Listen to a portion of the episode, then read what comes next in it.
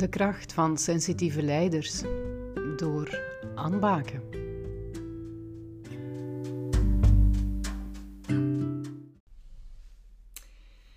Anne, je hebt dat een aantal keer laten vallen, hè, dus een beetje de dichtomie hart-hoofd, um, maar je hebt daar ook een model rond ontwikkeld.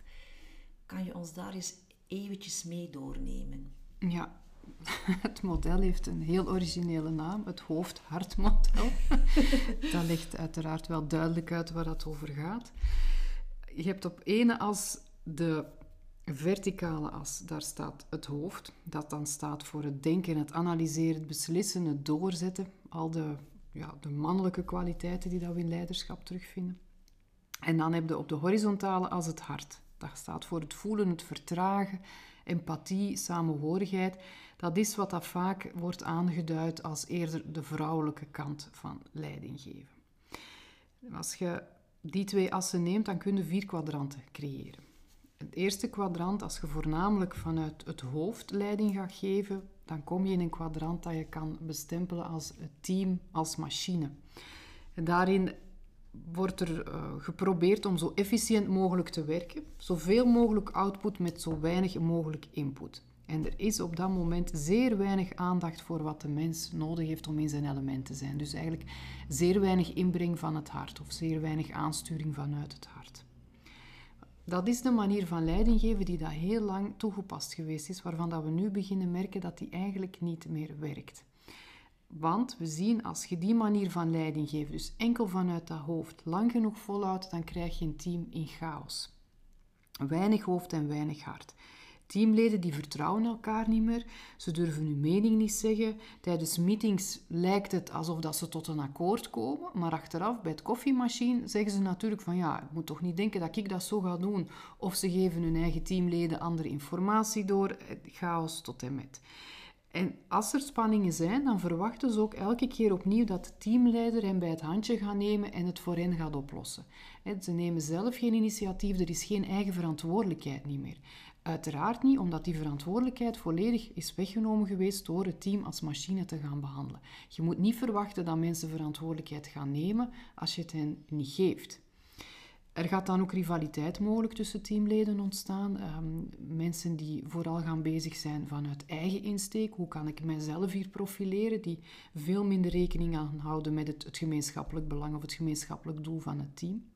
En daardoor kan er emotionele en mentale druk in een team ontstaan. En dan zien we chronische stress, burn-out, CVS, depressie, al die zaken die dat we nu volop zien gebeuren in bedrijven, die vloeien daaruit voort. Als je met zo'n team in chaos zit, en daar zitten geloof mij heel veel teams op dit moment, dan is er moed nodig om daaruit te geraken. En waarop is die moed gebaseerd? Die moed is gebaseerd om meer hart te durven inbrengen. En hier komt het dan. Hè. Hier gaan we nu wat opschuiven op die horizontale as, meer naar rechts, naar meer hart.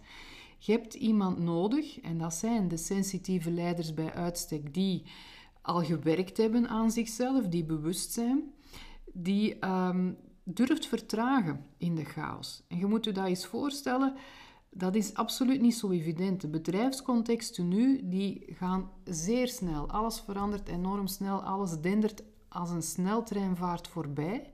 En dan zeg ik u nu dat je een leider nodig hebt die dat durft vertragen. De enige leiders die dat, dat durven, dat zijn de ontwikkelde sensitieve leiders. Die durven eventjes de tijd nemen, die durven vertragen om naar de teamwerking te gaan kijken. En dan bedoel ik niet de operationele werking, ik bedoel de samenwerking. Wordt er geluisterd naar elkaar? Geven we feedback? Durven we hulp vragen aan elkaar? Al die zaken. Durven we echt een gesprek aangaan? Durven we praten over waar dat echt over gaat? Maar als leider heb jij daarin te kunnen blijven staan. Als jij je daar super ongemakkelijk in voelt en dat probeert te vermijden of nog maar laten merken dat dat eigenlijk toch niet helemaal uw ding is, dan gaan uw teamleden zich daar ook niet comfortabel in voelen en dan gaat dat gesprek oftewel iets zeer afgezwakt zijn, oftewel gewoon niet doorgaan.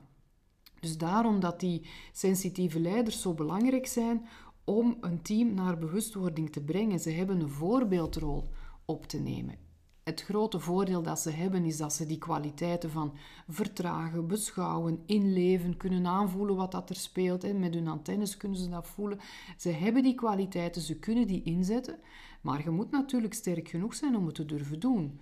Het is niet omdat je iets kunt dat je het ook durft doen. En daarvoor is het nodig dat die sensitieve leiders zichzelf eerst versterken, om dan, en dat is hun grote voordeel, de kwaliteiten die dat ze sowieso hebben, te durven gaan inzetten ten voordele van hun team, ten voordele van de organisatie.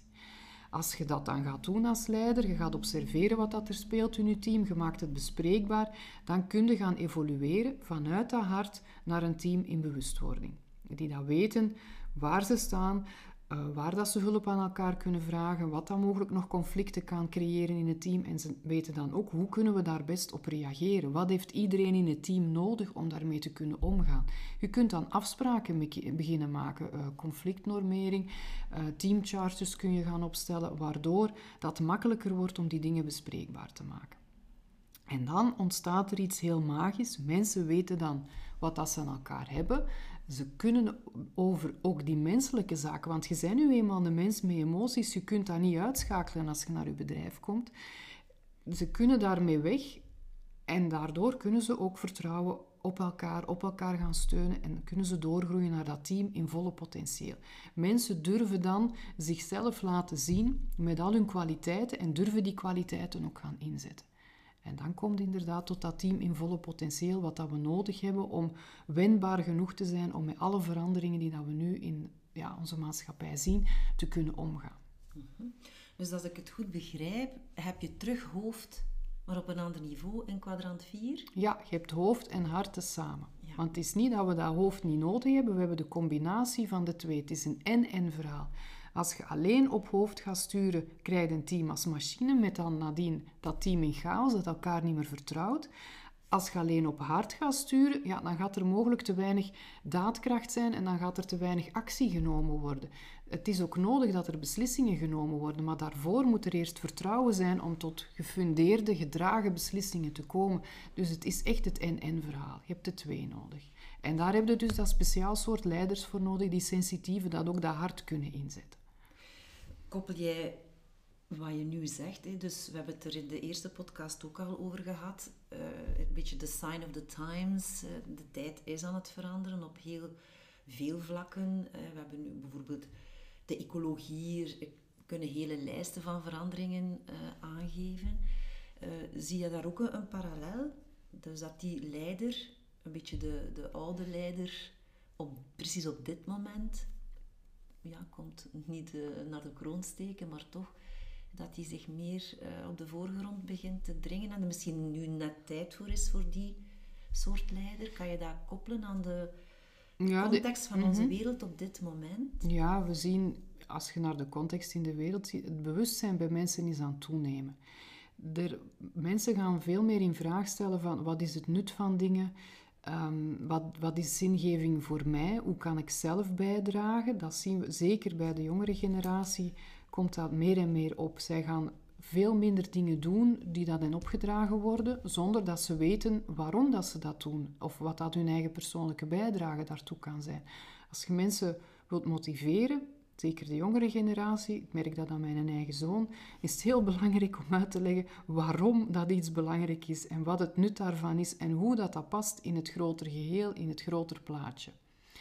En ja, daar moet je zelf dan ook over nadenken van wat is voor mijzelf zingeving, hoe wil ik die zingeving in mijn team brengen en hoe kan ik wat dat belangrijk is voor mijn teamleden koppelen aan die zingeving om op die manier een gemeenschappelijk doel te creëren. En dat gebeurt doordat het bewustzijn sowieso aan het toenemen is bij de mensen. En dat is oké. ja. ja. Dus in zekere zin ja, kantelt het een beetje op zijn hoofd momenteel. Dat we, eh, want ik heb het jou ook al ervoor horen zeggen, mensen willen precies niet zomaar nog een middel zijn, mhm. maar willen ergens ook een stuk een bijdrage leveren, begrijpen, zorgen voor het grotere geheel. Ja. Dus dat instrumentele van vroeger dat goed past bij team als machine, mhm. dat is een soort businessmodel dat ja. zijn beste tijd gehad heeft. Mag je het zo zien? Ja, er zullen uiteraard bedrijven zijn dat hun businessmodel nog wel op die manier gaan verder uh, laten gaan. Dat is altijd zo gebeurd. Hè. Uh, maar organisaties evolueren en er is nu echt wel vraag naar een, een, een, nieuw soort van organisatie. Als de bewustwording in de maatschappij toeneemt, bij de mensen dan uiteraard, hè, want de mensen zijn de maatschappij, dan zien we ook dat er veranderingen komen in hoe dat organisaties gestuurd worden, dat er andere bedrijfsmodellen komen. En tegelijkertijd zien we ook dat bedrijfsmodellen van heel vroeger nu nog altijd kunnen blijven voorbestaan. Bijvoorbeeld de maffia is een bedrijfsmodel dat al zeer oud is, maar dat er nog altijd is. Hè. Dat is een bedrijfsmodel gestuurd op, op angst. Um, ja, dat is niet het bedrijfsmodel dat we nu meestal nog tegenkomen, maar de maffia bestaat nog wel. Dus deze bedrijfsmodellen die dat vooral vanuit het hoofd gestuurd worden, die gaan er ook nog wel zijn, maar we gaan echt evolueren richting organisaties die hoofd en hart samen in uh, inzetten in hun leiderschap. Ja. En dan tot slot, ehm, wat er bij mij daarbij opkomt, is dat het bijna, als je zegt de jonge mensen, uh, dat het bijna een noodzaak zal zijn voor organisaties om zich daarvoor te beginnen openzetten, openstellen. Mm Als ze nog eh, de War on Talent willen voeren. Ik wil het niet per se war noemen, want dat is natuurlijk niet direct iets wat in dit kader de, mooie de goede terminologie is. Ja. Maar ja, getalenteerde mensen zullen misschien ook in de toekomst meer en meer die soort keuzes maken? Of is dat een brug te ver? getalenteerde mensen gaan zeker op zoek gaan naar een omgeving waarin dat ze hun talent kunnen aanwenden en waarin dat ze zich gestimuleerd voelen om hun talent aan te wenden. En dat talent kan mogelijk wel afwijken van wat dat er nu verwacht wordt van bepaalde medewerkers. Dus zij gaan eerder op zoek gaan naar organisaties die vernieuwend zijn en uh, gelijk de start-ups zoals dat we nu zien, waar dat ze echt hun ding kunnen doen en ook gestimuleerd worden om te experimenteren, bijvoorbeeld. Want het is net door dat fouten maken mag, dat er mag geëxperimenteerd worden, dat er nieuwe dingen kunnen ontstaan. Dus zij gaan wel op zoek gaan naar die vernieuwende bedrijfsculturen. Ja, mhm. absoluut. Dus de organisatie van de toekomst staat in de stijgers. Ja, en zal geleid worden door sensitieve leiders. Oké. Wil je net als de CEO's en senior leiders van deze podcast sensitieve strategieën voor sterk leiderschap inzetten? Wil je effectievere relaties met stakeholders, waardoor je anderen makkelijker meekrijgt en ook meer gewaardeerd wordt als leider? Waardoor je dan uiteindelijk jouw organisatie of afdeling eenvoudiger naar duurzame successen kan leiden. Als je dat ook wil, ga dan met mij in gesprek en vraag een strategiesessie aan via naturalleadership.be.